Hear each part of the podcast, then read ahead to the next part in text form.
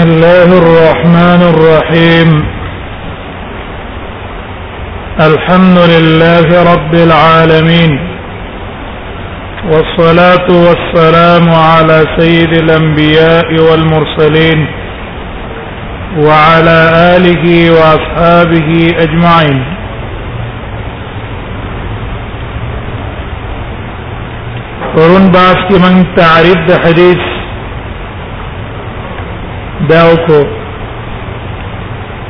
او په تعریف د حدیث کې چې کوم قیود او د هغه قیود او وضاحت او تفصیل هم لګو کړو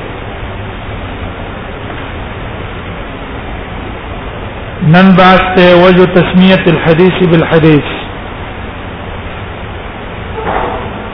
حدیث ته حدیث ولې وایي د لغوي معنی او د اصطلاحي معنی په منځ کې څه مناسبت ده بیا خو علماوی وجه دا ده چې حدیث د تحدیث نه له پیدا کېدو ته وایي چون کې د احادیث په اوریدو په وجه انسان په زړه کې دنه معانی او اثر پیدا شي علوم او معانی د دې احادیث د اورېدو د وجنه پیدا کیږي نو ځکه او ته حدیث وای دا تحدیث په معنا سوا تجدید د دې د اورېدو د وجنه معانی او علوم د انسان په زړه کې پیدا کی په وخت سما کې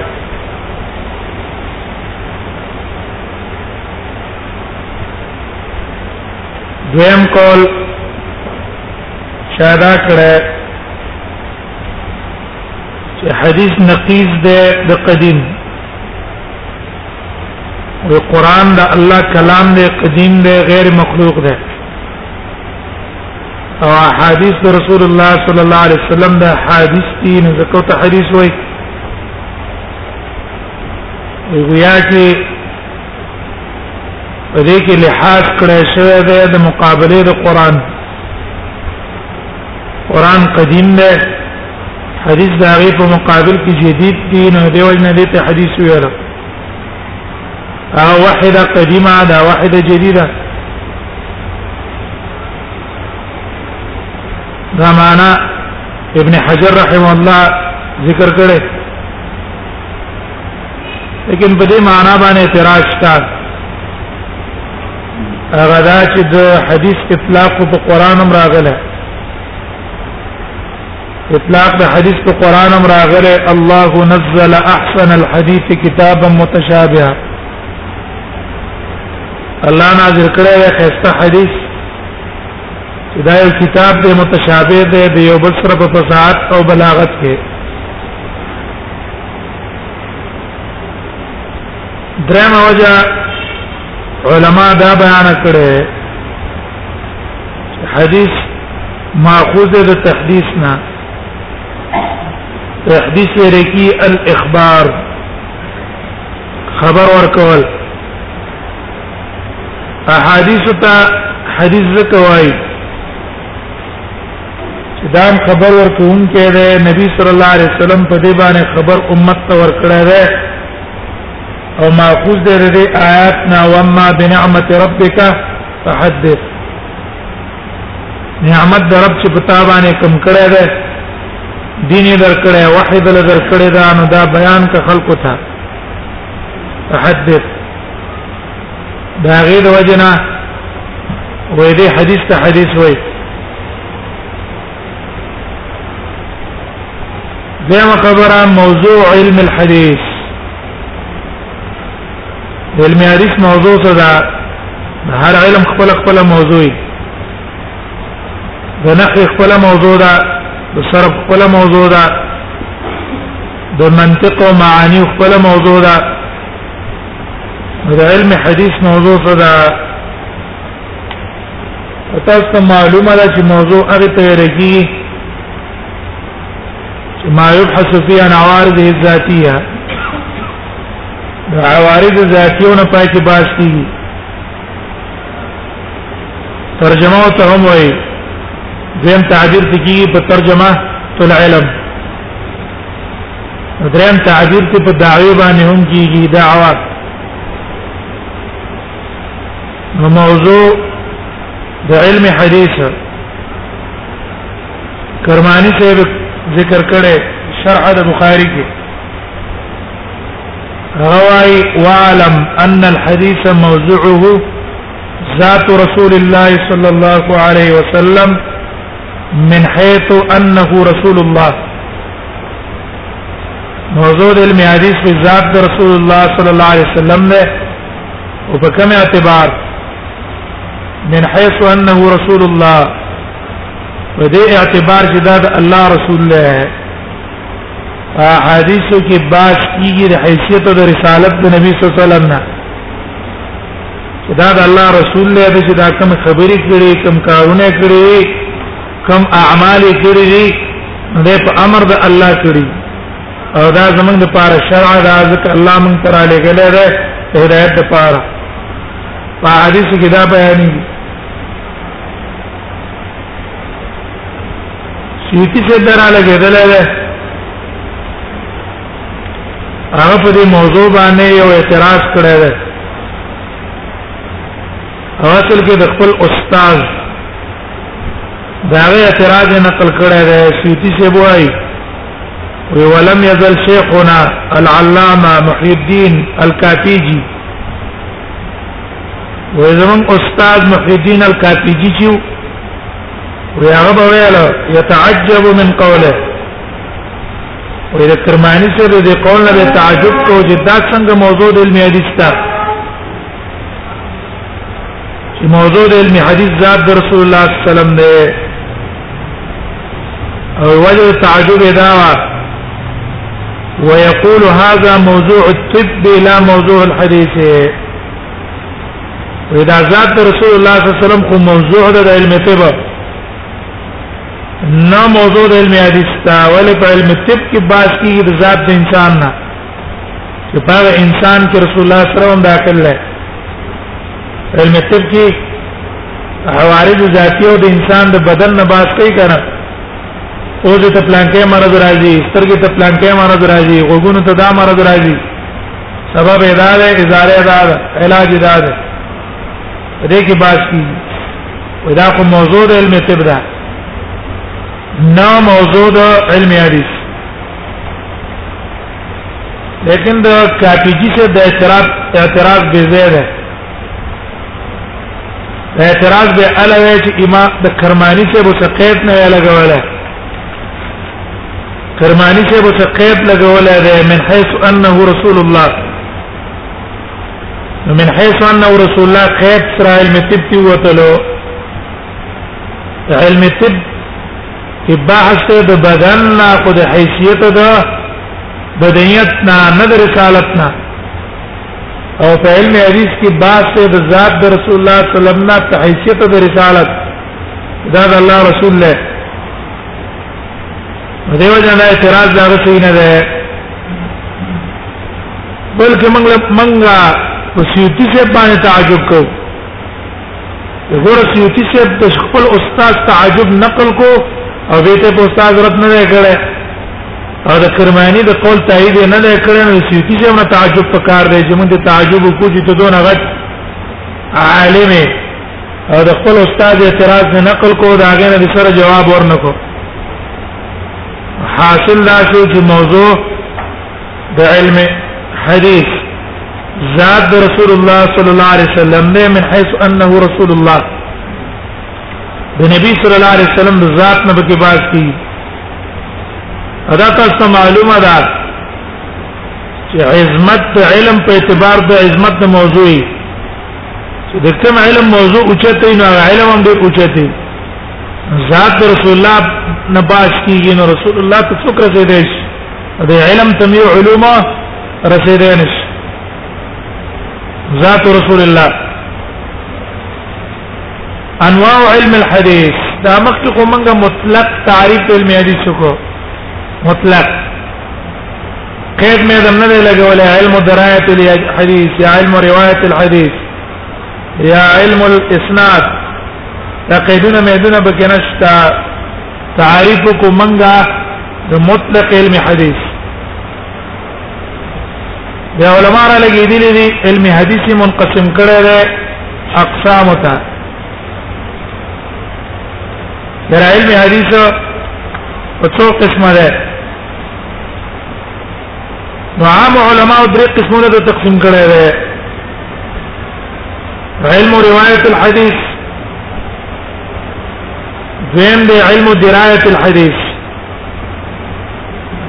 دریم دی علم مصطلح الحديث علم روایت الحديث دویم دی علم درایت الحديث او دریم دی علم مصطلح الحديث اقطانی سے ورا لګیدل کتاب لیکل دی ارشاد القاصد هغه په خپل کتاب کې صرف دوه قسمونه ذکر کړي علم الروايه او علم الدرايه د نور علماء درې قسمه بیان کړي اولنې نوعه علم روایت الحديث علم روایت الحديث ستوي اکبانی صاحب دا غي تعریف کړی دی ارشاد القاصد کې وعلم روایت الحديث چې علم علم يشتمل على نقل اقوال النبي صلى الله عليه وسلم وافعاله علم يشتمل على نقل اقوال النبي صلى الله عليه وسلم وافعاله ورواياتها وضبطها وتحرير الفاظها ودا علم نه مشتمل له په نقل اقوال د نبی صلی الله علیه وسلم اف افعال د نبی صلی الله علیه وسلم په علم روایت کې صرف د نبی صلی الله علیه وسلم اقوال من ترا نقل کی د نبی صلی الله علیه وسلم الفاظ من ترا نقل کی دارنګ د ضبط الفاظ دی پاره کې د پلانکی روایت الفاظ د شي دي او الفاظ داري بس نقل الفاظ في روايه في روايه پلانکی روایت کې دا لفظ دی پلانکی روایت کې دا لفظ دی به سیتی څه دې تشریح کړي هغه وايي تحقیقت الروايه وإذا علم روايات حقيقة سنة هغه د نقل السنت نقل السنه احاديث سنت طریقه را نقل کول ونحوها یا د هغه پشان د نبی صلی الله علیه وسلم افعال را نقل کول او اسناد ذلك الى من عزي اليه او د دې به نسبت کول هغه چاته چې هغه نه دا قول نقل شوی دی چې پلان کې دا روایت به نقل کړي به تحديث او اخبار یا ورته چې حدثنا فلان یا اخبرنا فلان پلان کې موږ ته دا حدیث بیان کړی دی یا پلان کې موږ ته دا خبر را کړی به تحديث او اخبار وغير ذلك او شروطها دارنګي د روایت چې کوم شرطونه دي د متعلق د تحمل راوی متعلق چیرې دا حدیث چې هغه پورته کړی دی او ریدل دی که استاد ته پیش کړی دی که اجازه او ته استاد ورکړي یا نور چې کوم انواع دي دې متعلق دا متصل له کوم منقطع ده نه په علم روایت کې دا باشي دا باش دا شو علم الروايه موضوع د علم څه ده علم روایت الحديث لکه ګوره زمنګ دا کتابونه کې تقریبا علم الروايه علم درايه دواړه ده امن چې کم طرز باندې وایو کنه په دې کې مې روایم ده حدثنا فلان فلان فلان قال قال رسول الله نبی په دې کې موږ له روایت هم کو چې دا سند متصل دی یا کمزور دی دا حدیث ضعیف دی یا کمزور دی دا علم روایت ما وز د دې استنباط د احکام چې کو دا مسله ته معلومه شو دا ته معلومه شو دا ته معلومه شو نه دا کوم علم شو علم الدرايه منګه زمنګه طریقه کې زم نه دعا لري او دا طریقه چې صرف علم او روایت ده موجود دي علم الروايات دا موجود المرويات والروايات من حيث الاتصال والانقطاع المرويات والروايات من حيث الاتصال والانقطاع مرويات او روايات له نقل كو من حيث الاتصال چیرې دا روایت متصل نه یا والانقطاع یا دا روایت منقطع ده دا موقوف ده په صحابي یا دا مرسل ده دا قول تابعی ده او یا دا متصل ده رسول الله صلی الله علیه وسلم ته په دې علم کې دا باس کی المرویات والروايات من حيث الاتصال والانقطاع دویم قسم نوع هغه د علم الحديث الخاص بالدرايه علم الحديث الخاص بالدرايه علم درايه متوي درايه الحديث هغه علم چې خاصي په درایت پورې د دې تعریف علماو کړه ده علم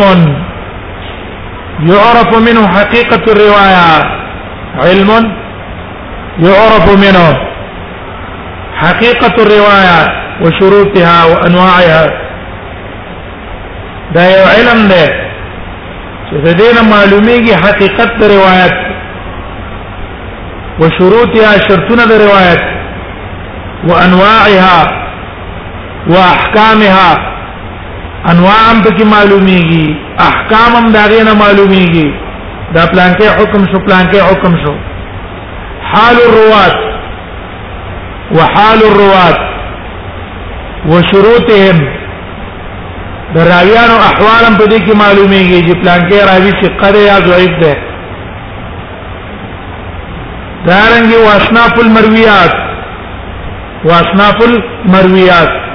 د روایتونو قسمونه چې دا متصل له کوم منقطع ده مرسل له دا معلومي او ما يتعلق بها یا دا غیب متعلق دا مشهور ده متواتر ده خبر واحد ده صحیح ده ضعیف ده په دوه روایتونو من کې تعارض دی د په تعارض دا ټول په دې کې دا جامع علم شو کرا روایت هم پکې ده استنباط د احکام هم پکې ده جرح او تعدیل هم پکې ده او د حدیث شهرت خبر واحد دارنګ متواتر دا ټول په دې علم کې بیانېږي او تقریبا لازم تاسو علم چې کوم طرز ده کنه د علم درایت الحدیث ته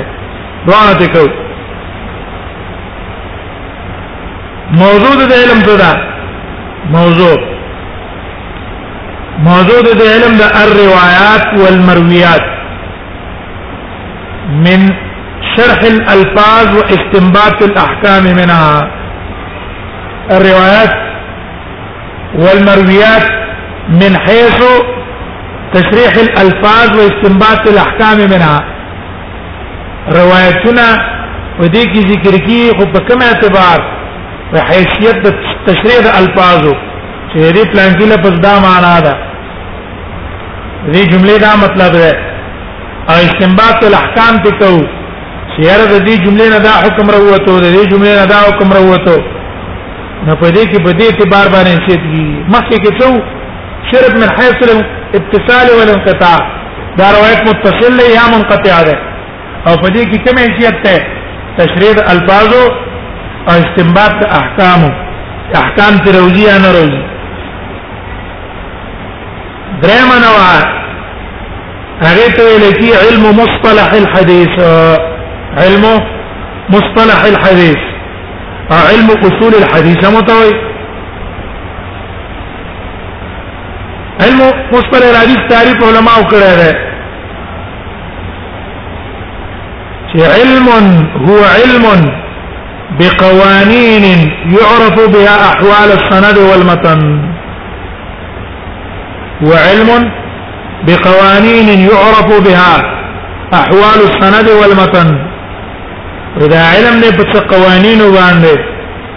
دا غي په وجه باندې سره څه معلومه ای احوال د سند او احوال د متن معلومه ای سند هم په دې معلومه او متن هم معلومه دا سند کمزور دی کنه ده دا متصل دی کنه ده منقطع دی کنه ده مدرج ده مسترب ده ټول په دې کې معلول ده دا په دې کې دا بیانې او متن الفاظ معلومه یې چې دا متن صحیح دی که شاذ دی ضعیف دی دا جمله زیادت د ثقه دا که منکر دا ټول په دې کې بیانې سند څه ته وایي دې په تعریف کې دوه شي ذکر شو کنه یو رفو بها احوال السند والمتن سند ویل کېږي الاخبار عن طريق المتن خبر ورکول د طریقې د متن نه کم الفاظ چې رسول الله صلی الله علیه وسلم نقل شي دي په کومه طریقه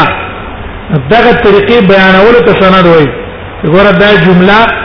مونږ ته پلان کې بیان کړی دا پلان کې ته پلان کې ویل دا پلان کې ته پلان کې ویل پلان کې ته پلان کې صحابي ویل دا هغه ته رسول الله صلی الله علیه وسلم اوریدل دا طریقه چې مونږ کومه د متن بیان کړه دې ته لکه سند او دا سند یا ماخوذ ده د سند نه سند ویل کی په لغت کې مرتفع وعلى من سفح الجبل مرتفع وعلى من سفح الجبل ايه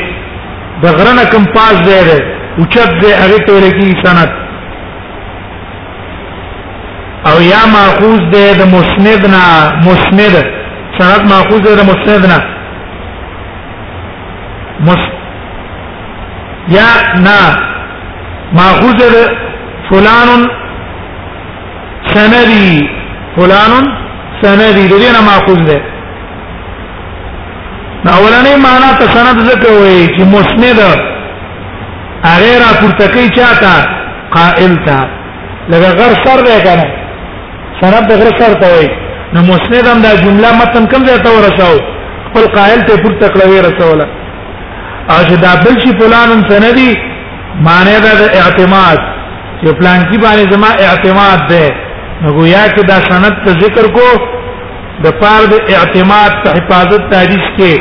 دا حدیث صحیح دی ځکه چې پلان کې پلان کې پلان کې ثقه کسان دي او حافظان دي ضبط او عدالت والا دي هغه د الفاظ نقل کړی دي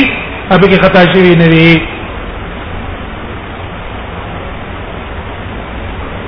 دا تعریف د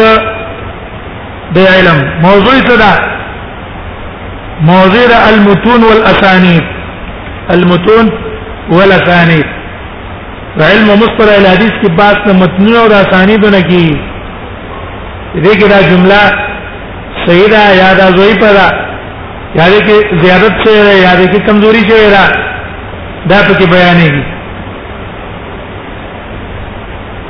غرض علم حدیث څه دی غرض او غایه د علم حدیث چې په دې غرض او غایه کې د درې واړه انواع په کې مشترک دي درې واړه انواع علم الدرايه علم الروايه او علم مصطلح الحديث د دې ټول علوم او غرض هغه ویل څه شی دی هغه الفوز بسعادت الدارين دا غرض کرمانی سے په شرح بخاری کې بیان کړه الفوز بسعادت الدارين وګوره خلک دا الفاظ استعمالي غرض او غايه غرض او غايه خلک وی غرض او غايه د علم حدیث صدا دا دوا الفاظ صرف په ابتدا انتها کې فرق دی نور مقصد یو دی ځکه غرض څه ته وایي غرض غرض ویل کی هغه قصد القصد الذي يكون لحصول الشيء دی شی په حصول کې چې کومه اراده تا وکړه دې ته غرض وایي او غایه ویل کی ما يترتب على ذلك الاراده چې په دې اراده باندې کوم شی مرتب شو دي ته غایه وي مثلا ته دې نه لاړې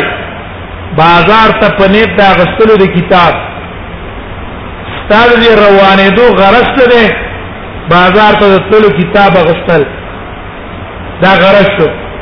او چې کتاب دی واغستو دا غایه شو کته نه ته کتاب په دې نه غسته او چې تلارې کتاب دې تلو باندې دا کتاب ته مرتب شو دې ته غایا وای نو خلک عام استعمالي غرض او غایا څه ده غرض او غایا د علم حدیث معنی اراده د علم حدیث مقصد څه ده او په دې باندې مرتب چې کوم شي شي دې دوه هغه دې السعاده الفوز بسعاده الدارين بشرف علم الحديث اقول دير شهاده د علم حدیث فضیلت هغه تاسو ته معلوم ده مخکې مشارتن من ویل چې شرط د علم دا په شرط د موضوع باندې موضوع علم حدیث ذات رسول الله ده چې ذات رسول الله دې موضوع شو نو د علم هم ډېر قیمت علم دیم فضیلت دا ده یو روایت کې راځي رسول الله صلی الله علیه وسلم دعا وکړه اللهم ارحم خلفائي ويا الله زما په خلفاو باندې ترحم وکړه صحابو ته د الله نبی ستا خلفا څوک دي نبی صلی الله علیه وسلم تو فرمایلو وې دا هغه کسان دي چې زما نه رښتو برازي او زما احادیث به زدګي او دا غي بیان به نور ته کوي نور ته به دا غي څه کوي دا غي بیان به کوي اصل کې دا زمون خلفای دي دا من تاسو چې دي احادیث ته کې راستو نو رسول الله صلی الله علیه وسلم خلافت ته کې راستو بل حدیث ته تاسو ورغلې ده رسول الله صلی الله علیه وسلم فرمایلی دی نظر الله امرا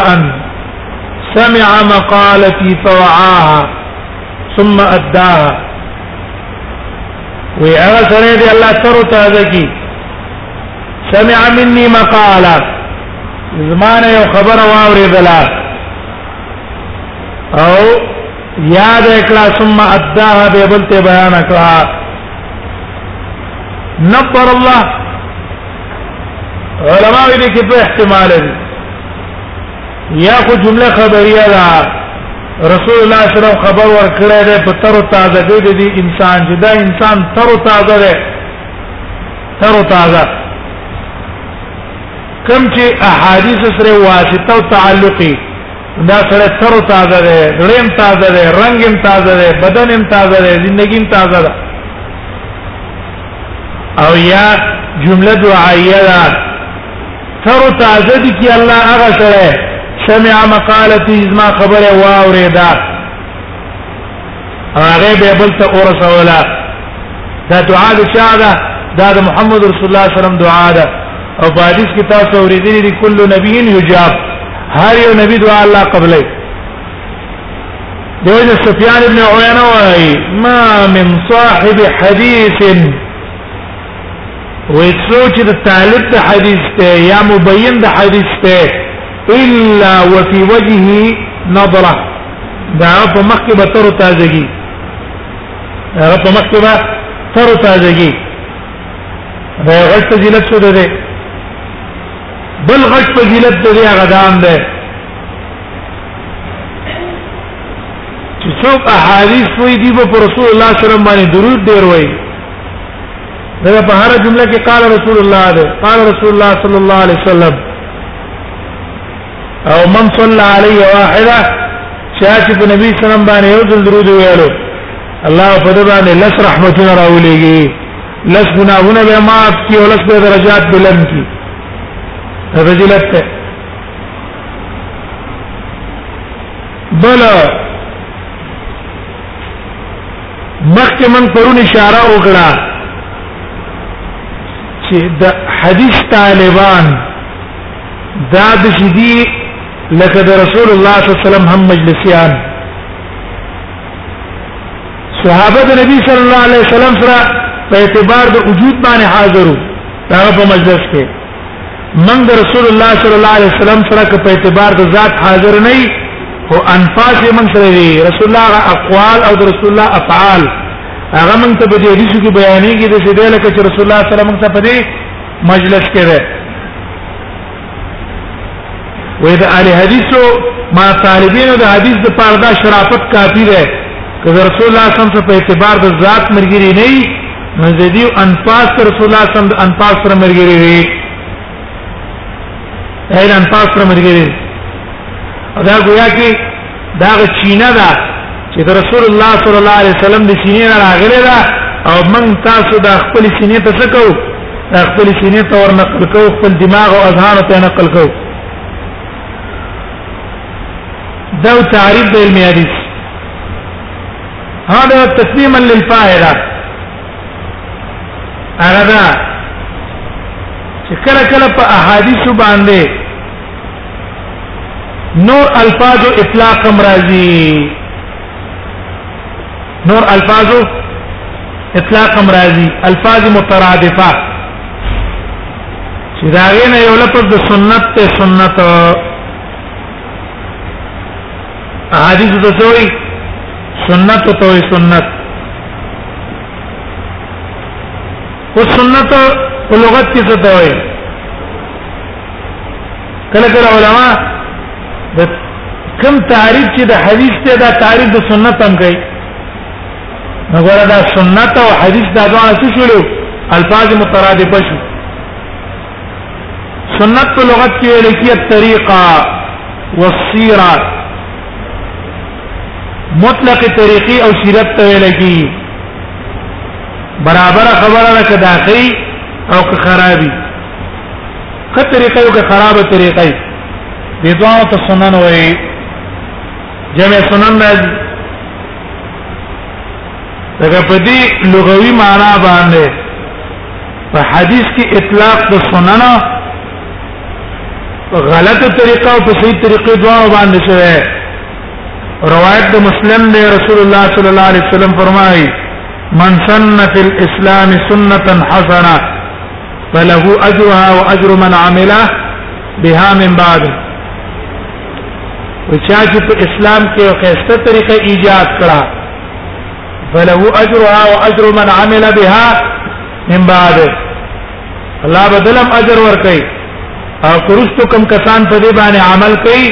دا غي اجر هم الله دل ور کوي او من سن فی الاسلام سنتا سیئه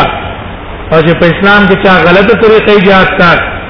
نو کان علیه وزرها ووزر من عمل بها من بعد په دې باندې به وبال دا غلطه طریقې او څوک چې په دې غلطه طریقه باندې رواني دا غي وبال بم په دې باندې من غیر ان ينقص من اوزارهم شيء ور اطلاق بچا باندې راغی لغوي معنی په اعتبار خې طریقې ته حسنه او سیئه ویل کنه سنتا حسنه او سنتا سیئه اطلاق په دوه باندې راغی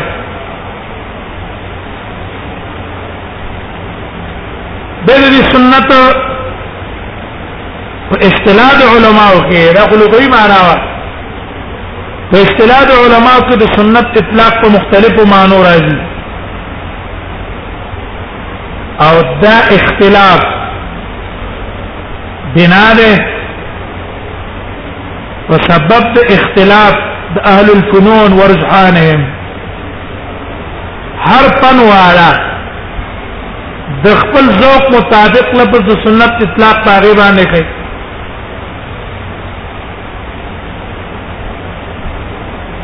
محدثین را لګي په حدیثو کې نو اطلاق د سنت چکیږي نو مقابل قرآنی په احادیث کې لفظ د سنت چې مستعمليږي نو په مقابل د چا کې استعماليږي قران کې کوم ته چې احادیث وي دا ابو داود کې بتا روایت راشي رسول الله صلی الله علیه وسلم فرمایلی دی یا ام القوم اقرأهم لكتاب الله یا ام القوم اقرأهم لكتاب الله فإن كانوا في القراءة سواء فأعلمهم بالسنة وإمامتي جكي نؤاكب بإمامتي كي أقرأهم لكتاب الله والله كتاب خلص ترش ها فإن كانوا في القراءة سواء كفقرت برابرون فأعلمهم بالسنة نو به به هغه څو کوللی چې په سنت باندې خپوي عالمهم بالسنه مصراشه د حدیث کې اطلاق د سنت مقابل لچا راغی د قران نو په اصطلاح د محدثینو کې سنت او حدیث یو شی دویم اطلاق د سنت په مقابل د بدعت کې راځي مقابل له بدعت کې خلک وایي د اهل سنت والجماعت کې او دا مبتدعين دي اهل سنت والجماعت مقابل له شیا کې د مبتدعين کې په یو د پخوا زمانه اهل سنت والجماعت دی او دې زمانه دي دې زمانه والا مبتدعين ځان ته اهل سنت والجماعت وایي عقیده د شرک او د کفر دي او ځان ته څه وایي اهل سنت والجماعت په عزت دا غوړ زیړه نوم دی هر یو تن ځان ته غوړ زیړ نوم دی مزیدار نور معنیت په کې نه اجنومي برابر کړي نو درم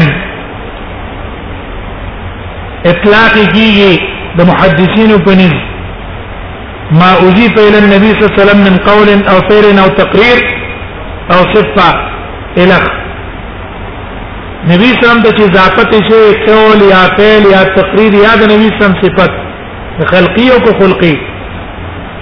حدیثونه په اصطلاح کې سنت او حدیث یو شی دی او د فقهاو په اصطلاح کې سنت چاته وي د فقهاو په اصطلاح کې په اصطلاح د فقهاو کې سنت ما يقابل الفرض وغيره من الاحكام الخمسه ان ذا احكام دي کنه فرض سنت حرام مکروه مکروه مباح دا پنځه احکام دي په دې کې حکم سنت ته دا سنت مقابل فرض ده د فقهاو په نسبت باندې چې هغه وی هذه هذا العمل سنه دا عمل سنت ته مراد به شي مقابل له چا د فرض او مقابل له حرام او د مکروه او د مباح یا معنا ده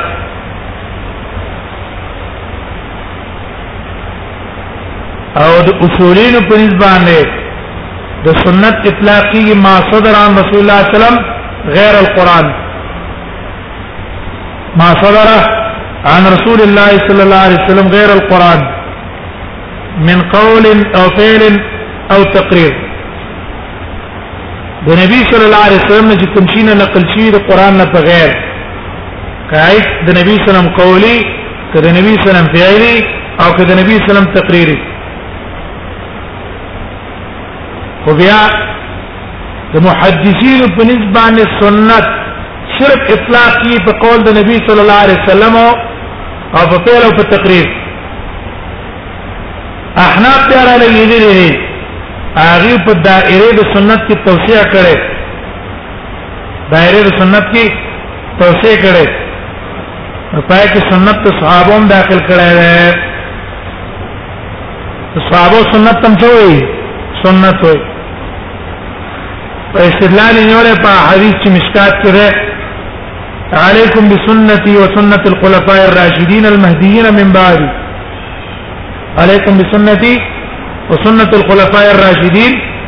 المهديين من بعد عزوا عليها بالنواجذ حاصل لا شو چې د محدثینو په نس حدیث او سنت یو شی دی چې کوم تعریف د حدیثو هغه تعریف د سنت شو کوم موضوع د حدیث وا هغه موضوع د دیم شو او کوم غایه او غرض د حدیث او هغه د سنت هم شو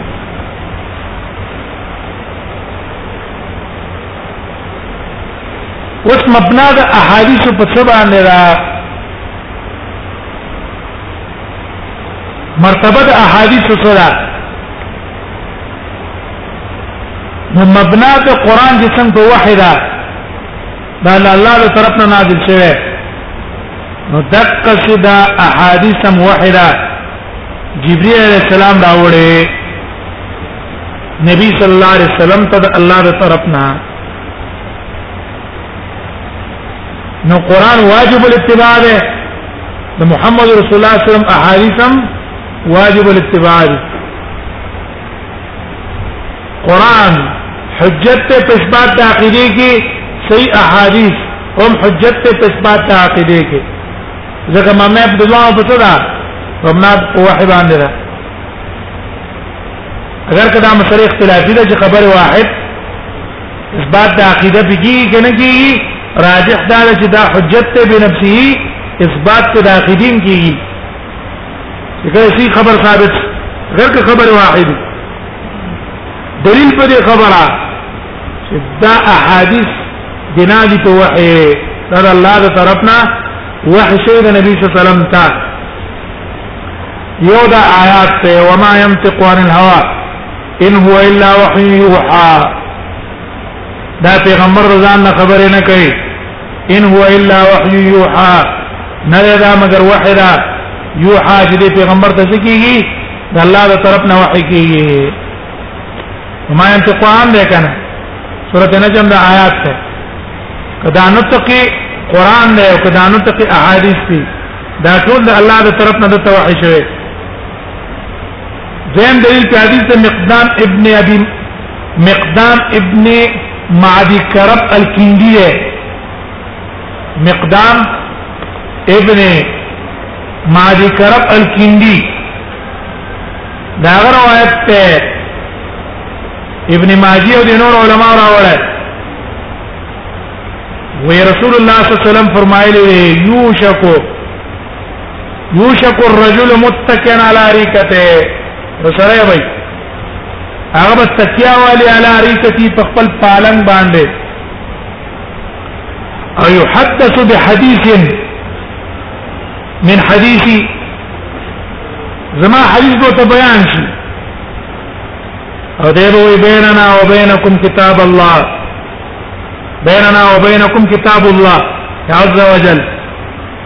وزمن استاد ومن چې د الله کتاب ده فما وجدنا فيه من حلال استحلناه ولې کې کوم حلال او هغه ته حلال وایو وما وجدنا فيه من حرام استحرمناه او کدی قران کې څه حرام او متحرم وایو ګوره نبی سلام فرمایي الا وانما حرم رسول الله مثل ما حرم الله الا وانما حرم رسول الله مثل ما حرم الله دې ځان پوي کوي پیغمبر چې کوم شي ته حرام وې دا د حرام ویل کې چې الله ته په قران کې چې ته حرام ویل غاڼه یو شی دی دریم دلیل قول دی ابن ابي كثير سيوطي سے بدر المنصور کی راوړه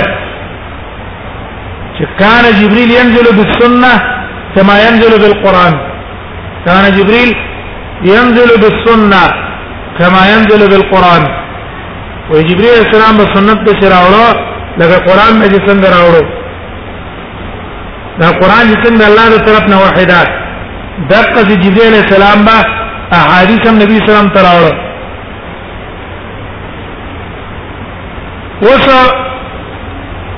اول معنا د وحي کو معنا د وحي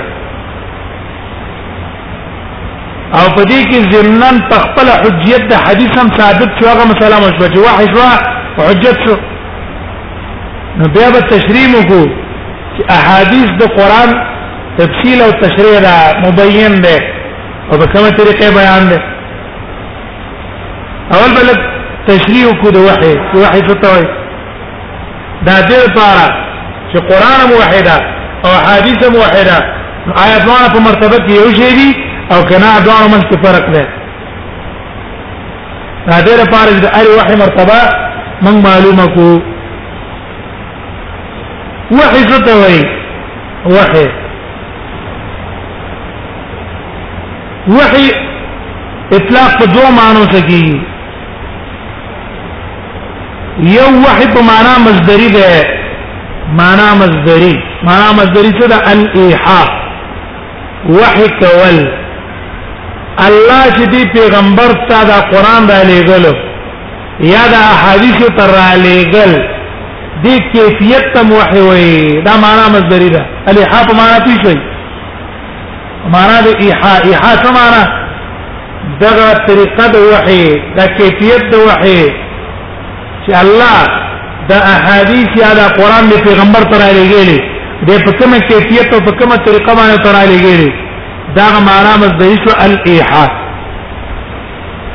یو دا معنا شو د وحی دیم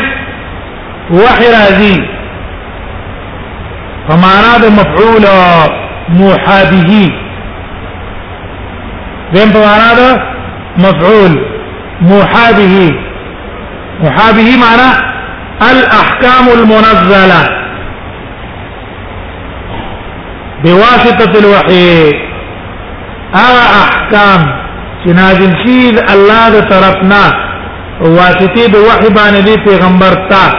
نو دغه احکام تم وحی وي دا معنا کوم معنا شو مفعول معنا د مفعول سره مفعول به محاذي اوس وحی چې په معنا مصدری کواله معنا مصدری سره وحی په لغت کې څه ته وایي وحی په لغت کې ویل کی اعلام فی خفا اعلام فی خفا ان چاله خبر ورکول په پټه طریقه باندې دته ویل کی وحی چون کې د دې په تعریف کې څه ده اعلام فی خفا نو چې په دې خبر کې پټواله ده د دې پټوالي د وجه نه علما را لګیدلې دي اشاره ته مو حویلې اطلاق د وحی په چا کړه په اشاره د اشاره کوم خپای کړه اشاره کوم زی خبر ورکولی په خپا په پټه طریقه هغه ته مو حویلې کتابت ته مو حویلې کتابت ته دته مو حوی رسالت خط لګل ته مو حوی الهام تم وحي وي اطلاق د وحي په الهام هم کړه او په الکلام الخفي په پټي خبرې ته وحي ویلې ان الشياطين لا يوحون الى اوليائهم او كل ما القيته الى غيره هر خبره چې د بل چاته په پټه طریقه ورغورځوله دې ټول ته وحي وي ویلې دغه د ټولو کې معنا د خطا ده کنه او د وحي لغوي معنا سوا اعلاما فی خطاء چاله خبر ورکول په پټا په دې ټولو کې معنا د خطا ده نو ځکه وتا وحي وي په اصطلاح د شریعت کې وحي څه ته وي په اصطلاح د شریعت کې دا موږ تاسو چې دا وحي استعمالو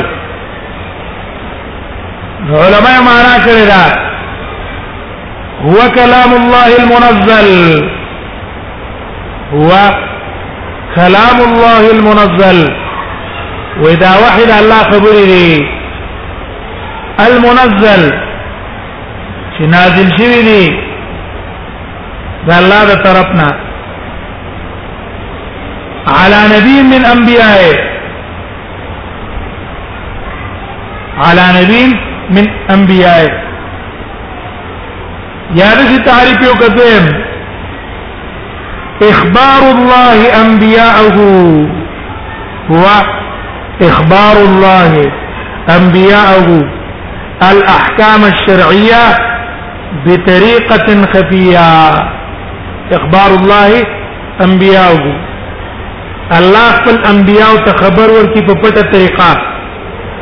په داسې طریقه بحيث يحصل لهم الجزم دې انبیاء په ځل کې دا یقین پیدا شي یقین بانها من الله دا وحي ګره د الله تر طرف نه ده او چا طرف نه ده دا د الله تر طرف نه ده دغه ته دا یقین راشي او دا وحي په درې قسمه ذکر شوی په قران کې الله چې خپل نبی ته خبر ورکړي کنه نه دا خبر په قران کې په درې طریقې ذکر شوی الله سوره الشورى یو 50 آیات کې وایي وما كان لبشر ان يكلمه الله الا وحيا او من وراء حجاب او يرسل رسولا وما كان لبشر أن يكلمه الله إلا وحيا أو من وراء حجاب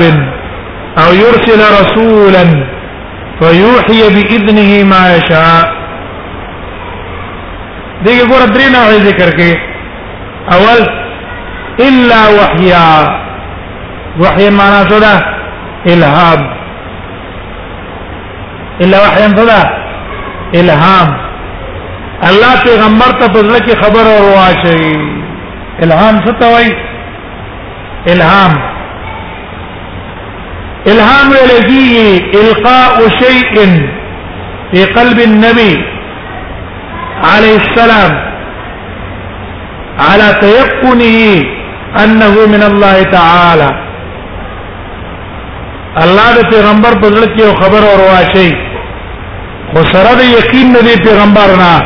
پزړه کې د پیغمبر پزړه کې یقیني پر خبره چې دا خبره غره د الله د طرف نه ده بیا دا الهام کله په خوب کې پیغمبر اودی او د خوب په حالت کې د پزړه کې خبر ورواچي او کله په حالت د یقظت کې خېږي او په حالت د کې خطه دا خبره په ځړه کې ورواشه یو قسم الا وحیا شو الهام دویم او من وراء حجاب فردين اخوا سره خبرې وکي ان يسمع النبي كلام الله پیغمبر الله خبري اوري من غیر ان یراه الله نینی خدا الله خبر اوري او دا یقیني چې دا الله خبر دی موسی علیہ السلام سره الله خبر کوي په تور کې او زمنګ د نبی سره خبرې کړي په ليله المعراج کې ليله المعراج کې څه کړي خبرې کړي سورې په خواتین د بقره ول ور کړي پنځه منځونه یې پر شي دي او مخامخ خبرې د الله سره کړي درم او يرسل رسولا او یاو ته قاصد راولېږي جبريل هغه جبريل لا اولېږي هغه له خبر ورکی الله دا حکم را لګل نو کله دا رسول په حالت د خوب کې راځي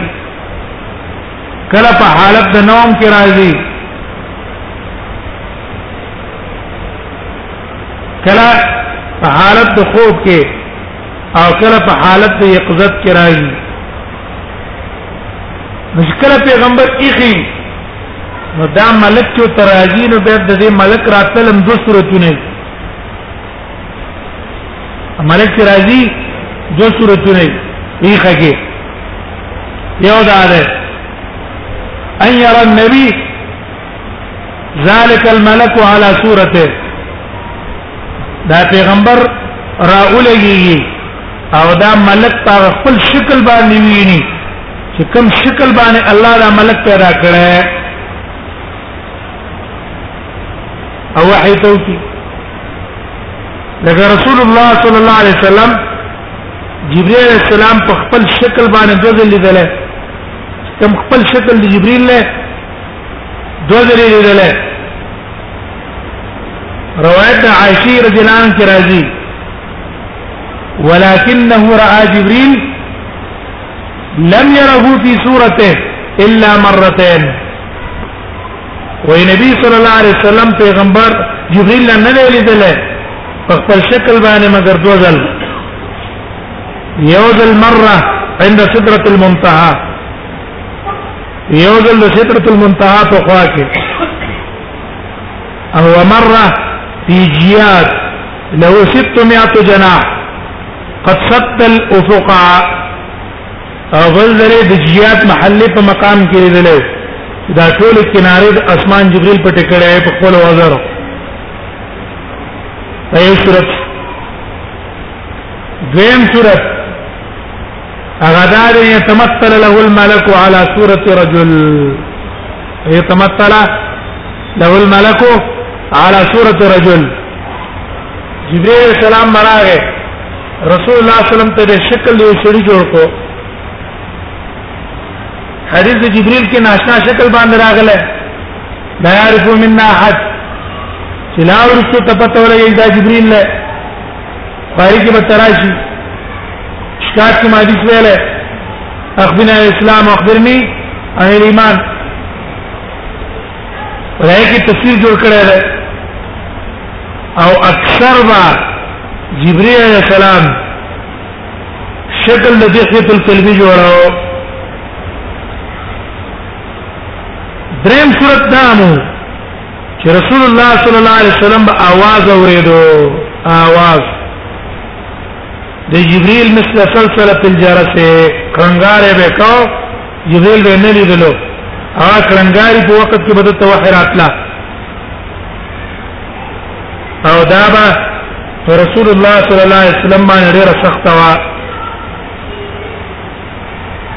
بخاری کې متداول باب كيف كان باب بدء الوحي الى رسول الله فيجب حديث عائشة رش حارث ابن عش الشام ويد رسول الله تفوتكو كيف ياتيك الوحي يا رسول الله كيف ياتيك الوحي تاتا وحي سنگ راجي رسول الله صلی الله علیه وسلم تو فرمایله احیانا یاتینی مثل صلصله الجرس وکلا کلا ما تو وحی راضی په شان ته د کلنګاری د ټلای وهو اشده علی او اذا نوع د وحی ما ته ډیر ګرانه ده فيقسم عني وقد عيت وعيت عنه ما قال وې ما نه جدا شي او دا چې کوم خبره ما ته کوي هغه ما یاد کړی خو دا ما ته ډېر ګرانه ده دغه دې کې د رسول الله د جبريل منځ کې تناسب نه مناسبت نه دیو جنا دا قسم وحي ته ډېر ګرانه او احيانا يتمثل وکلا کلا ما ته څوګي ځان سره ساز کی يتمثل الملك رجلا فيكلمني ما ته خبرې وکړي دوی نه عائشہ رضی الله عنها وايي وي ما رسول الله صلی الله علیه وسلم ولید له سخته ګرمۍ کې با سخته یخنۍ کې به په وحی رااله او دې چې خولې به روانې وي لکه د ملغلرو د دانو په شان څونه دروازه به په دی وایي حاصل له خبرې څه شو هغه دا چې نبی صلی الله علیه وسلم ته چې وحی کېدله کیفیت ته وحی دا مختلفو دیو جن سهیلی سے ورا لگے دلے رے الروز الانف کے احوال بیان کړی دی چې رسول الله صلی الله علیه وسلم ته کیفیت وحیو هغه بیان کړی او هغه کیفیت د وحی خوب رسول الله سم ته وحی رااله الله له طرفنا حالت د خوب کې حدیث د ابن اسحاق کې نقل لې د عائشه رضی الله عنها اول ما بدأ به رسول الله صلی الله علیه وسلم الرؤيا الصادقه اول ما بدي به رسول الله صلى الله عليه وسلم الرؤيا الصادقه اول النبي صلى الله عليه وسلم تخوبون شروع شو او د نبی خوب وحي ابراهيم عليه السلام قل دي ته اني ارى في المنام اني اذبحك فانظر ماذا ترى زيوت سيلا يا بتفعل ما تؤمر ستجدني دا وحی نه نزیب او ته ویلې دا خو دې خو خو وې غږ بس الله امر دې تا ته کو کنه دویم حالت هغه نفس په روع ده ایون فس په روعه الله ته بزړه کې خبره واچي دا وګړه دې ته تاسو ورېدلې رسول الله صلی الله علیه وسلم فرمایلی دی ان روح القدس نفس فی روح فی روعی ان روح القدس نفس فی روعی و جبرئیل السلام ما په زړه کې دا خبره چوله ان نفسا لن تموت حتى تستكمل اجلها ورزقها ويتنمري تر هغه وخت پورې چې خپل نیټه او خپل رزق پوره کړی نه یې به وخت نه مرې ریګه ما خپل خوراک دې پوره کړی نه یې مرې نه دا ما ته جبريل په ځل کې واچولا فتقوا الله واجملوا في الطلب الله نه ویریږي واجملوا في الطلب او خیرسته طلب د رزق کوي حرام باندې طلب نه کوي مجاهد نقول نقل له مجاهد مجاهد واكثر المفسرين في قوله تعالى سبحانه واكثر المفسرين في قوله تعالى نات نعم، بسوا مجاهد قول له اور اكثر مفسرين قول لاله مجاهد او اكثر اکثر قول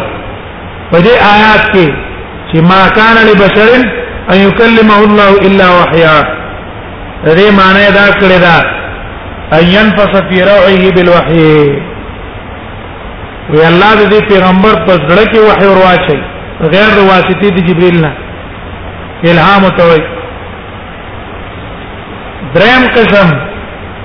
هغه دا دی یاتیه الوحی په مثل سلسله الجرس یاتیه الوحی په مثل سلسله الجرس وحی تراشی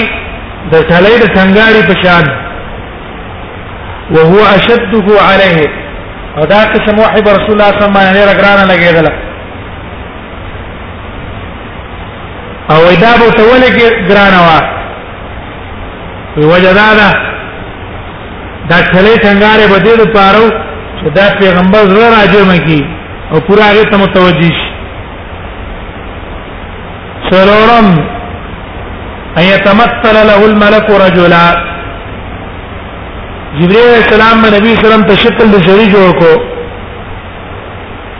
په شکل د دحیه الکلبی به تراتلو دحیه ابن خلیفه او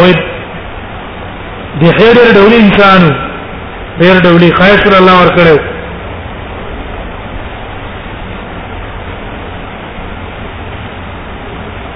بل طریقه هغه دا ان يتراه ان يتراه له جبريل في صورته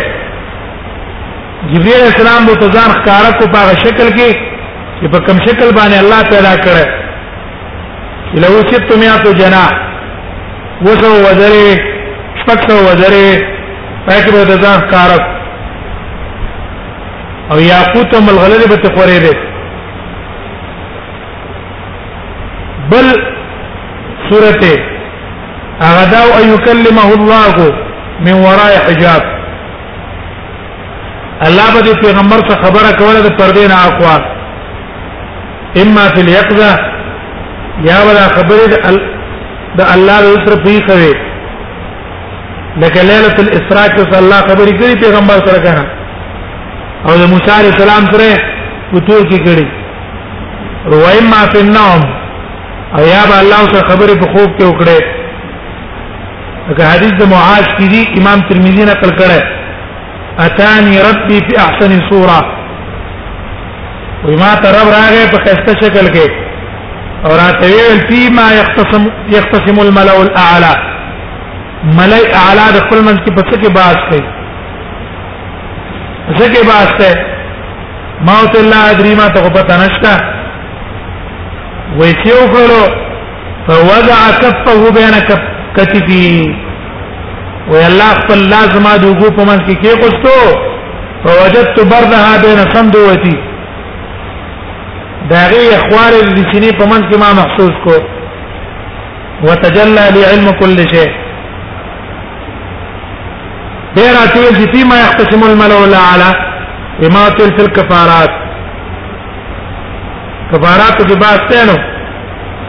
یا څه قال وما هن کفارات څه قال قلت الوجوه عند الكريهات ونقل الاقدام الى الحسنات وانتظار الصلوات بعد الصلوات ومنذون انتظار قد منذوننا فمن فعل ذلك عاش حميدا ومات حميدا وکانه من ذنبه کمن ولدته امه ترمذی روایت ده دا شپږ طریقې دي نبی صلی الله علیه وسلم ته دا وحی راغله وی ووم یو طریقه ده هغه ده چې اسرافیل علیه السلام راغله او نبی صلی الله علیه وسلم ته وحی راوړی دا وحي وا کیفیت د وحي په معنا مصدری وحي په معنا د مفعول الموحى به دې کې زمون کار ده او زمون د باس سره دغه متعلق ده الموحى به نبی سلام ته کومه وحي شوی ده علماء دا تقسیم کړو دوه قسمونو ته دو قسمونه ته یو د المتلو هغه وحي چې دا غي تلاوت کړي شي او دا غي په تلاوت کې ثواب لري المتلو زم وحلا غیر متلو غیر متلو وحلا خدای غي تلاوت نشي کېدلی متلونه خو مراد قران دی قران قران قران الله نازل کړی دی او د هغه تلاوت کیږي دا غیر تعریف سره موږ ته کار نشته تعریف مشهور دی چې قران یا په معنا د جمع دی قران په معنا د جمع دی او یا په معنا د تلاوت ته لغوي اعتبار په معنا نو که په معنا د تلاوت واله نو قران ته قران زکوي چې دا لوستل کیږي او که په معنا د جمع واله لغوي معنا نو قران ته قران زکوي چې دا جامع ده للاخبار والاحکام الاخبار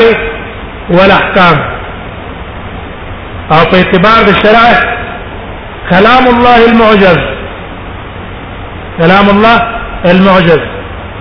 المنزل على محمد صلى الله عليه وسلم بواسطة جبريل الله له طرفنا راغله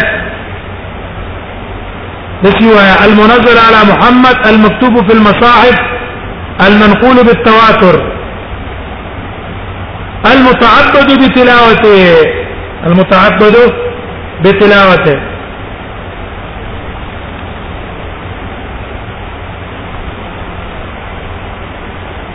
به تمام علماء اجماع ده په دې تمام علماء اجماع ده په دې چې دا قران د الله د طرف نه نازل شوی دی په واسطه د جبريل نبی صلی الله علیه وسلم ته په حالت د یقظت کې څونه قران چې راغله په دې حالت کې راغله چې رسول الله صلی الله علیه وسلم یې خده او په واسطه د جبريل راغله الهام نشتا خوب نشتا یې پیغمبر ته په خوب کې راغله یا په سبیل الهام باندې راغله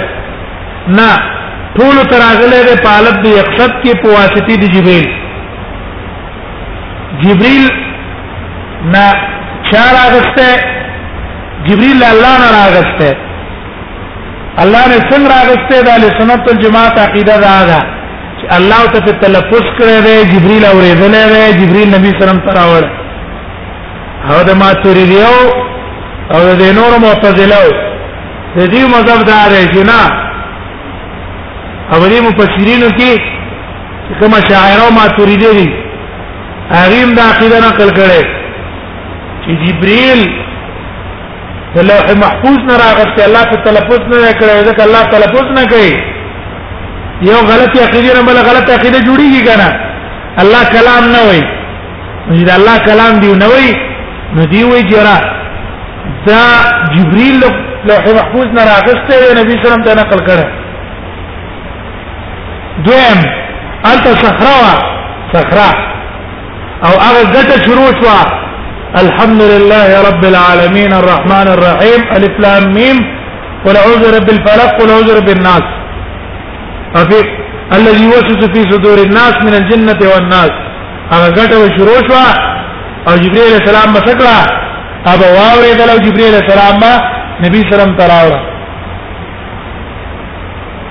یا وای جبريل لا اول نبی سلام ته ورچولې او دا قوت الله ته نبی سلام کې پیدا کړو او نبی سلام را اولګې دو دا تعبیر ته په خپل ځان له طرف نه وکړو دې منګړاتو کې ورنوتري د څه وجنه د دې وجنه چې الله کلام نه مانی او چې موږ تاسو الله كلام منوش الله متكلم بصوت وحرف كما يليق بشانه خبر ختم شو كما يليق بشانه دي وجب غواري يجب غواري طيب جب غواري لجاي اس قلم كرا وتره قلمي قران قلمي قران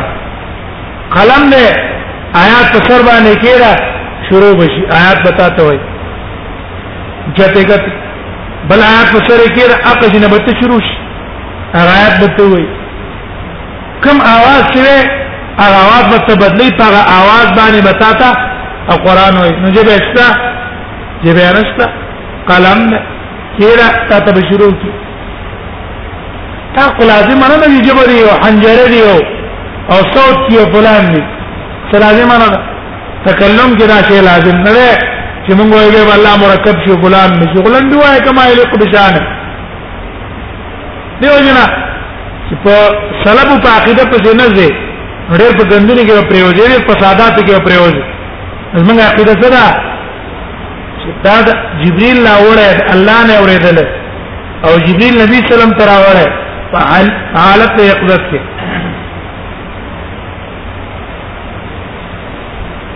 نه په خوب کې او د دې علماء اجماع سره مستند د اجماع ورود الاحاديث على ذلك ټول احاديث دلیل نه پره دیم قسم وحمت غیر مطلوب دا غیر مطلوب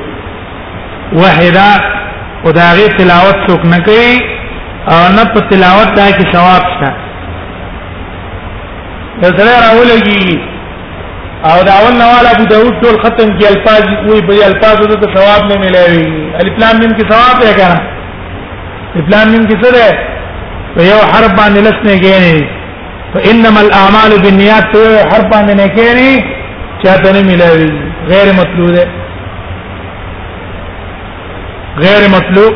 نه مراد احادیث دي او دا وحی ذکر ده چې مخکې آیات ته موږ پیش کوو ما ينطق عن الهوى ان هو الا وحي يوحى دا له قران کې دي من يطع الرسول فقد اطاع الله ومن تولى فما ارسلناك عليهم حفيظا چې هغه پیغمبر تابعداري وکړه د الله تابعداري وکړه او من تولى فما ارسلناك عليهم حفيظا او چا چې مخ واړو فما ارسلناك عليهم حفيظا اے پیغمبر ته په مونږ کې نه لګلې ته په مونږ حفيظ نه لګلې چې ته به دغه حفاظت کې اوس راشي احاديث موحشوا او قران موحشوا یو مطلوب شو بل غیر مطلوب شو اوس د قران او د حدیث من کې فرق څه دی وجوه الفرق بين القران والاحاديث یو وجه فرق ده القرآن منزل من عند الله على النبي صلى الله عليه وسلم بلفظه ومعناه القرآن منزل من الله على النبي صلى الله عليه وسلم بلفظه ومعناه د قران الفاظ هم د الله دي الله د طرف نه راغلي او د دې معنا د الله د طرف نه راغلي پیغمبر صرف منتا بیان کړي قل اعوذ برب الفلق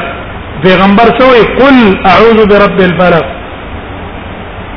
الله چې قل کې خطاب د چا د طرف نه دی الله ته چاته محمد رسول الله ته فکر دا چې محمد رسول الله قل نه لري کنه قل نه ویل قل وی ولی د الفاظ هم د الله تر طرف نه وی پیغمبر په کې ځان رد بدل نشي کوله قل ما يكون لي ان ابدله من تلقاء نفسي اذا انا بدل ولا نشي فخلاف د احاديثو خلاف د احاديثو احاديث کوم دي دا په جبريل لاوړي دي د دې معنی نبی سلام تر راوړي تعبیر دا غین رسول الله سلام په خپل الفاظو کړه ده تعبیر ته چا کړه دیو جن په الفاظو کې اختلاف دي کنه بعض روایتونو کې انما الاعمال بالنیات بل روایت کې انما العمل بالنیات بلکې دی انما الاعمال بالنیه الفاظ جدا جدا ویلې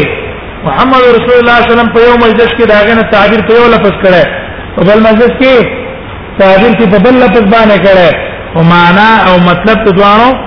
یو ده د خبر باندې ورته ده معنا د حدیث د الله تر طرف نه راغله الله پیغمبر ته ویلي اے پیغمبره زما پریز باندې دارو مدار دارو مدار د عمل غره په نیت ته کچا صحیح نیت تو زول اجر ورکوم کچا صحیح نیت تو اجر نه ورکوم دا معنا نبی سلام ته وحی شو تعبیر کې چا وکړو محمد رسول الله صلی الله علیه وسلم په خپل الفاظ کو انما الاعمال بالنیات او انما العمل بالنیه دویم فرق هغه دا ده چې روایت ته قران بالمعنى جائز نه ده لا يجوز روایت القران بالمعنى چې ته د قران تعبیر په خپل الفاظ باندې اوکي او مطلب هغه ادا چې دا جائز نه ده مثلا قران کې لا اله الا هو الله نه حقدار د بندګۍ بل څوک نشته واسترا اولګي د دې الفاظ په دې تچوي لا شریک له لا شریک له الله شریک نشته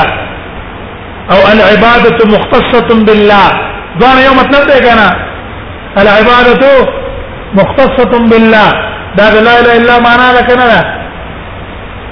دک الفاظ به نقل کې د دې الفاظ په ځای باندې نور الفاظ الله حرام دي جائز نه دي کویر مفهوم به چې آیات مقصد او معنا دا دا مطلب یې دا ده په خلاف د احادیث احادیث روایت بالمعنا په نزد محققین علما او جائز ده اگر اختلافي مسله ده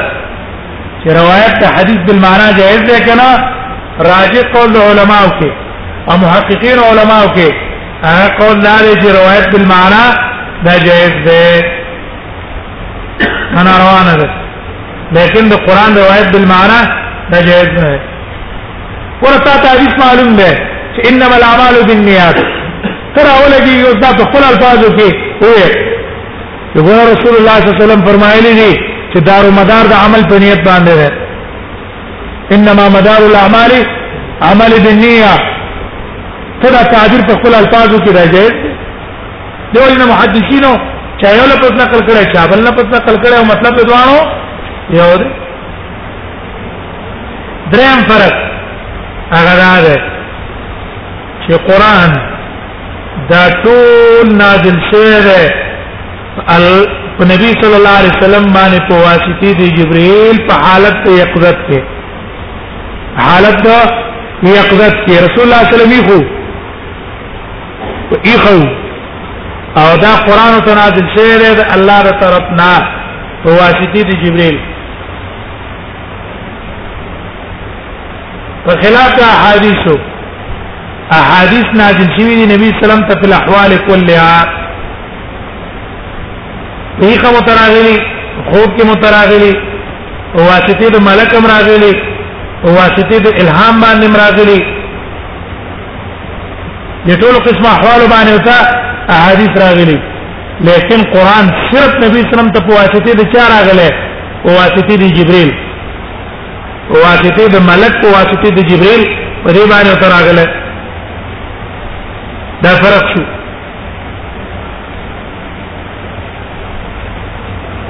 خپل ته یو مشهور فرقونه کوم معلوم کړه او فرقونه هم څه کړه معلوم کړه چې دا وحمن کې دا فرق شو اوس یو مشهور اعتراض ده هغه دا ګور اوسه پورې خو موږ دا ثابت کړو چې احادیث ته رسول الله صلی الله علیه وسلم واحده د الله تر طرفنا اصلا دا د الله تر طرفنا واحده او مخکې موږ تعریف وکړو چې حدیث چاته وي قول فعل او تقریر د رسول الله څه نو سوال لا دې چې دا موږ نه منو چې ټول اقسام د احادیث یا سنت دا دی وحی شي ولی ځکه په ډېر امور کې رسول الله صلی الله علیه وسلم اجتهاد کړی دی ډېر امور کې څه کړی دی رسول الله اجتهاد کړی دی او اجتهاد رسول الله خدای الله طرف نه وحی نه ده ذکر رسول الله صلی الله علیه وسلم باندې بچو حنا وراغلی راکه به اجتهاد کو خصوصا په امور حرب کې رسول الله اجتهاد کړی کنه نه کړی او کني او سارا د بدر کې رسول الله اجتهاد کو کوی نه کو فدیه واخلو که قتلې کو صحابه ته مشوره وکړه رسول الله صلی الله علیه وسلم را یاد اخوخ شو چې فدیه به واخلو الله آیات را نازل کو ما کان لنبی ان یکون له اسرا حتى يثخن في الارض يريدون عرض الدنيا والله يريد الاخره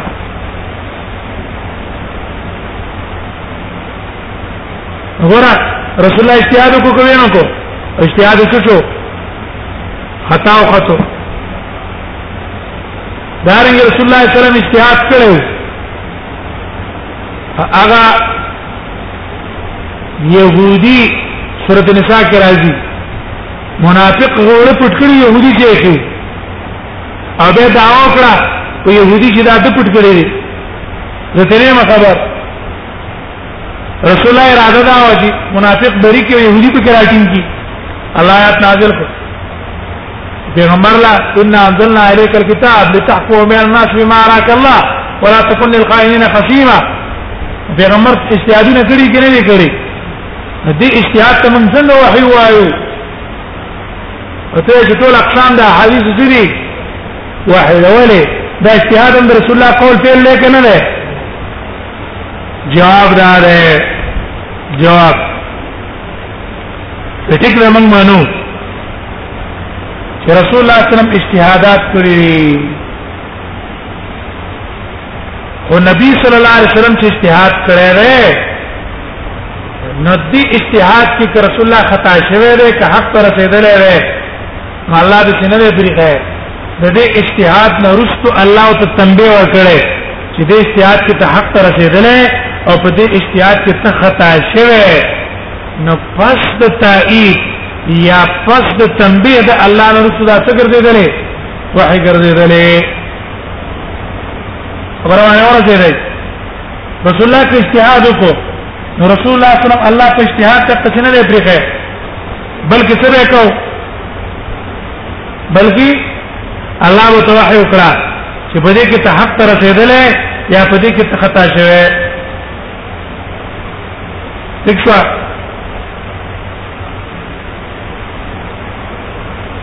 نو پس د تایید الله نه یا پس د رد الله نه دا موږ نه نه هغه چا ګرځولې دا حدیث هم ګرځولې وجود فرق معلوم کړه اعتراض جواب مو شو اوس په دې احادیث کې یو نوع ده خاص چې هغه ته لکی حدیث قدسی دې حدیث قدسی کې د علماو اختلاف ده ا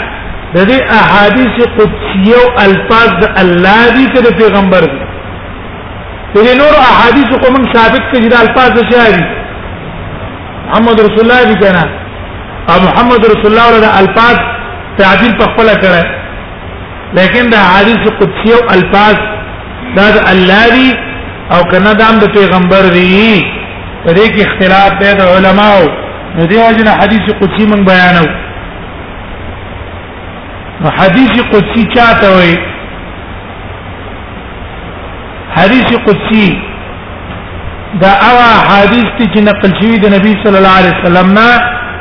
په طریقې د احادو نقل شوی د نبی صلی الله علیه وسلم نه په طریقې د احادو او اضافت الله تعالی ته شوی اضافه ته چاته شوی الله ته دته حدیث قدسی مو حدیث قدسی حدیث قدسی ته ځکه چې نسبت چاته شوی دی الله ته او احادیث الهی متوي یا حدیث الهی متوي ځکه نسبت الله ته شوی حدیث ربانی متوي حدیث ربانی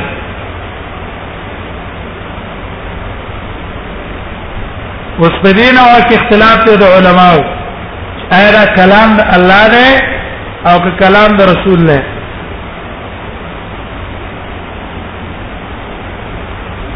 یو قول علماء دا دی چې احادیث قدسیه د دې الفاظ د الله الفاظ دي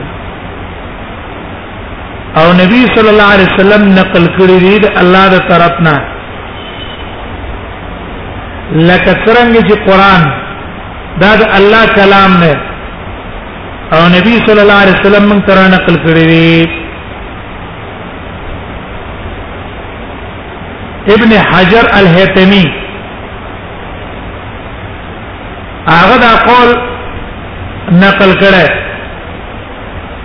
ناغوای الاحاديث القدسيه وهي ما نقل الينا احادا عنه احاديث قدسيه چاته وي دا هغه ته وي چې ما نقل الينا احادا من ترا نقل شوی په طریقې د احادو د نبی صلی الله علیه وسلم نه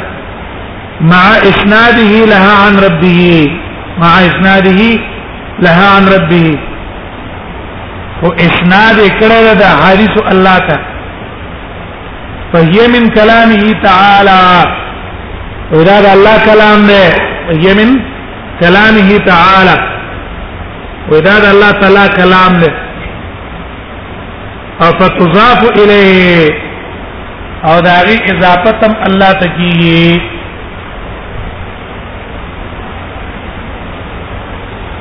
ها کله نسبت کیږي نبی سلام تم وقد تضاف الى النبي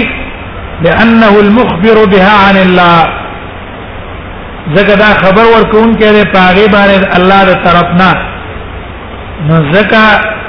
هم توي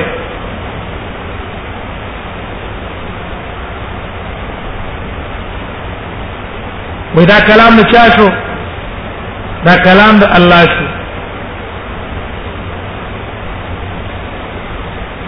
د دې استدلال څه ده استدلال دی استدلال په دې نیولې چې دا د الله کلام دی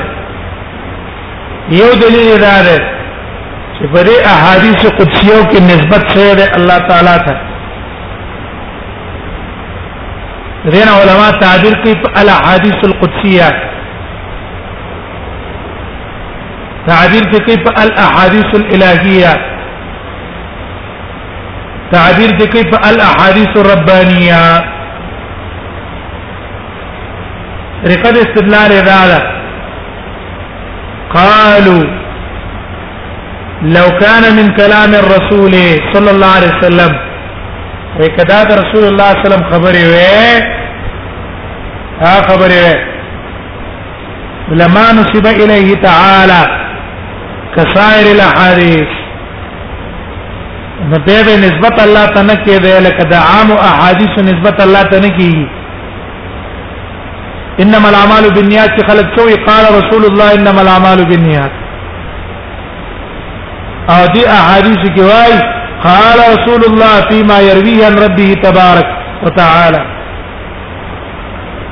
دې به نسبت الله ته نه کېږي کړه الله کلام نه پته ورګه نه چې دا الله کلام نه دویم دلیل دا ده چې زمایر د متکلم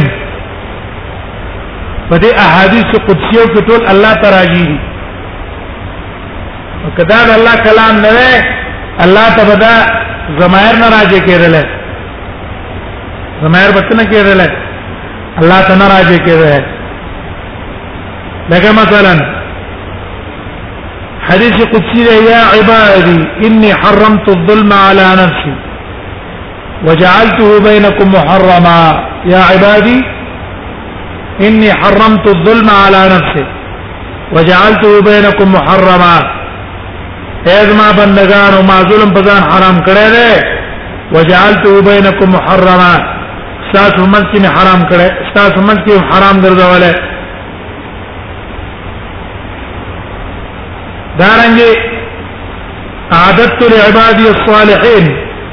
ما لا عين رأت ولا أذن سمعت عددت لعبادي الصالحين ما لا عين رأت ولا أذن سمعت يا حديث أصبح من عبادي مؤمن بي وكافر غرفة ټولو زميلنا راجي راځي چا دي الله چې الله ته دا زمیرونه راځي شو دا دلیل دی پرې خبره چې دا د الله کلام دی چې دا الله کلام نه نه پیغمبر به زمایر دا رک الله ته نه راځي کوله دریم دلیل دریم دلیل دا دی وېدا احادیث دارک نسبت چکیږي روایت کې نو الله تکیږي راوی چې حدیث قدسی نقل کړي نو پای کې دا وایي چې فيما قال الله تعالى قال الله تعالى فيما رواه عنه رسول الله صلى الله عليه وسلم قال الله تعالى فيما رواه عنه رسول الله صلى الله عليه وسلم نو که چرته دا د الله کلام نه وي نو په سند کې به صرف اکتفا شوی په ذات رسول الله صلی الله علیه وسلم او دا غنه به تجاوز نه کړي الله تعالی لکه په عام حدیث کې دا طریقه ده ها دا علماء وايي چې ټیک ده دا کلام د الله دی دا الله کلام دی خو کوم خصوصیات چې د قران دی ګوره هغه خصوصیات د دې نشته قران هم د الله کلام دی او دا هم د الله کلام دی خو چې کوم خصوصیات دي د الله د کلام هغه خصوصیات د دې احادیث قدسیو لپاره نشته څنګه هغه دا قران چې ده کنه معجز ده څوک مقابله نشي کولای او دا قران معجزه ده على ممر الدهر محفوظه محفوظ من التغيير والتبديل دل غوتی وړل د بیوده سړي جایز نه دی يحرم لمسه لمحدث بیوده سړي د پاره قران لغوتی وړل دا جایز نه دی يحرم تلاوته لجنوب جنوب سړي د پاره د تلاوت راجع قول د علما حرام دی لا يجوز روايته بالمعنى روایت د قران بالمعنا جائز نه ده د دې تعین په معنی کې له مونږ کې به قران لولې قران دی ونو لستلو مونږ کېږي نه هر هر باندې الله انسان ته لس نه کوي ور کوي لس نه کوي هغه باندې ور کوي وغیر ذلک لیکن دا خصوصیات په حدیث قدسی او کې نشته بیا دا سم راغسته شي د دې احادیث معجز نه دي مقابله هم کولای شي الفاظ ځان د قضې جوړولای شي مقابله کولای شي جنب سره ویلای شي بیا دا سم راغستل شي وغیر ذلک دویم قول ها دی وای چې ټیک دا خصوصیات د قران نه دي خدا الله کلام دی په شان ته د عام حدیثو الله پیغمبر ته نازل کړی دی دلالت کې په کبریا او په سعت رحمت الله نو پدې کې د احادیث چې کوم جرح دا تعدیل صحت ضعف وضع دا دا پدې کې جاری ده احادیث موضوعان شته احادیث قدسیه او ډېر د خلکو ځان جوړ کړي ضعیف هم پکې شته کمزور هم پکې شته دویم قول علماء دا ده چې دا احادیث قدسیه دا الفاظ هم د نبی صلی الله علیه وسلم دی په شان ته د عام احادیث او ابو البقاء په خپل کلیات کې دا قول راجح کړه دا قول یې کړه راجح کړه او اما الحديث القدسي وهو ما كان لفظه من عند الرسول ومعناه من عند الله بالالهام او المنام حدیث قدسی دی ته وای چې معنی د الله د طرف نه ده لیکن الفاظ د رسول الله صلی الله علیه وسلم د طرف نه وی الفاظ محمد رسول الله د طرف نه وی دا قول هغه غوړه کړه تیبی سے هم دا قول کړه تیبی سے هغه حدیث قدسی اخبار الله معناه بالالهام او بالمنام ودا د الله د طرف نه خبر ده پیغمبر ته یا په خوب کې یا په واسطه د الهام خوب کې ته ویلي یا په واسطه د الهام باندې ویلي او نبی صلی الله علیه وسلم به را لګیدلې دا هغه خبره په خپل عبارت باندې کړه هغه کړه او راځي قولم دا ده چې دا تعبیر نبی صلی الله علیه وسلم په خپل الفاظ باندې کړه دا حدیث قدسی نه و دې دې پورې موږ دا ثابت کړه چې احادیث د رسول الله صلی الله علیه وسلم وحید د الله د طرفنا چې د الله د طرفنا وحی شو نو خپل ثابت شو حجیت الحدیث چې حدیث سره دا حجت ته حجت دول ټول علماء اتفاق دی په دې چې حدیث حجت ته او مصدر من مصادر الاحکام دا د احکام یو مصدر دی لکه قران نه څنګه استنباط د احکام کیږي دغه چې د احادیث نه استنباط د احکام کیږي او دې استدلال نیولای په درې طریقو بالکتاب اجماع الصحابه والمعقول قران نه استدلال امام شافعی پر رساله کې دریویا صفحه کې ابن حزم په الاحکام کې اول جلد کې آیاتونه راوړي تقریبا اته آیاتونه هغه باندې استدلال نیولای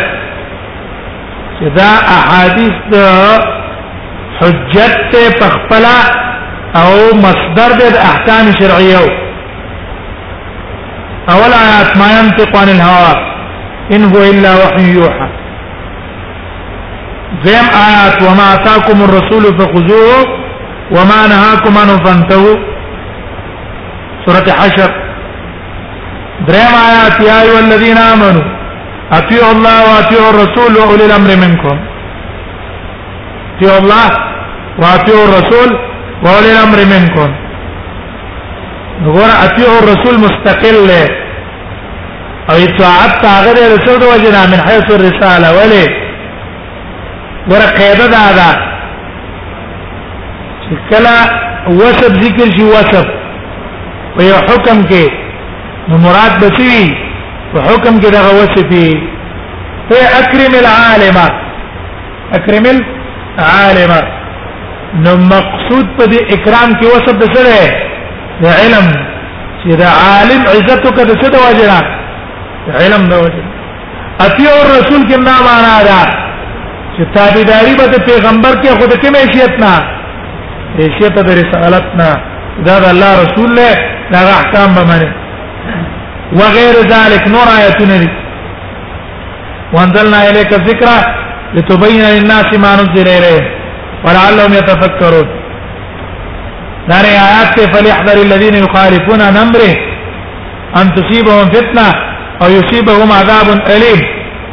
هغه کسان چې د پیغمبر د امر نه مخالفت کوي دا دی ویریږي چې نه چې الله په عذاب را نه ویلي یا په فتنه را نه ویلي وغیر ذلک هر چې صحابه دي نو صحابه نه شرط نه دي نقل هغه دا فرق کړی دی چې دا حکم موږ منو ځکه دا په قران ثابت دی او دا حکم نه منو ځکه چې دا ثابت دی رسول الله نه دې په منځ کې فرق کړی نه دی ابو بکر صدیق ته حدیث کې راځي نیار عالم وزمان وسه امر شوی دی زید طرفنا زید یې مړ دی مال میراث کې څه حصہ ده وای ما ته په قران کې پتا نشته او په حدیث رسول الله کې ما ته پتا نشته او زبر صحابه سره مشوره وکړه پدې کې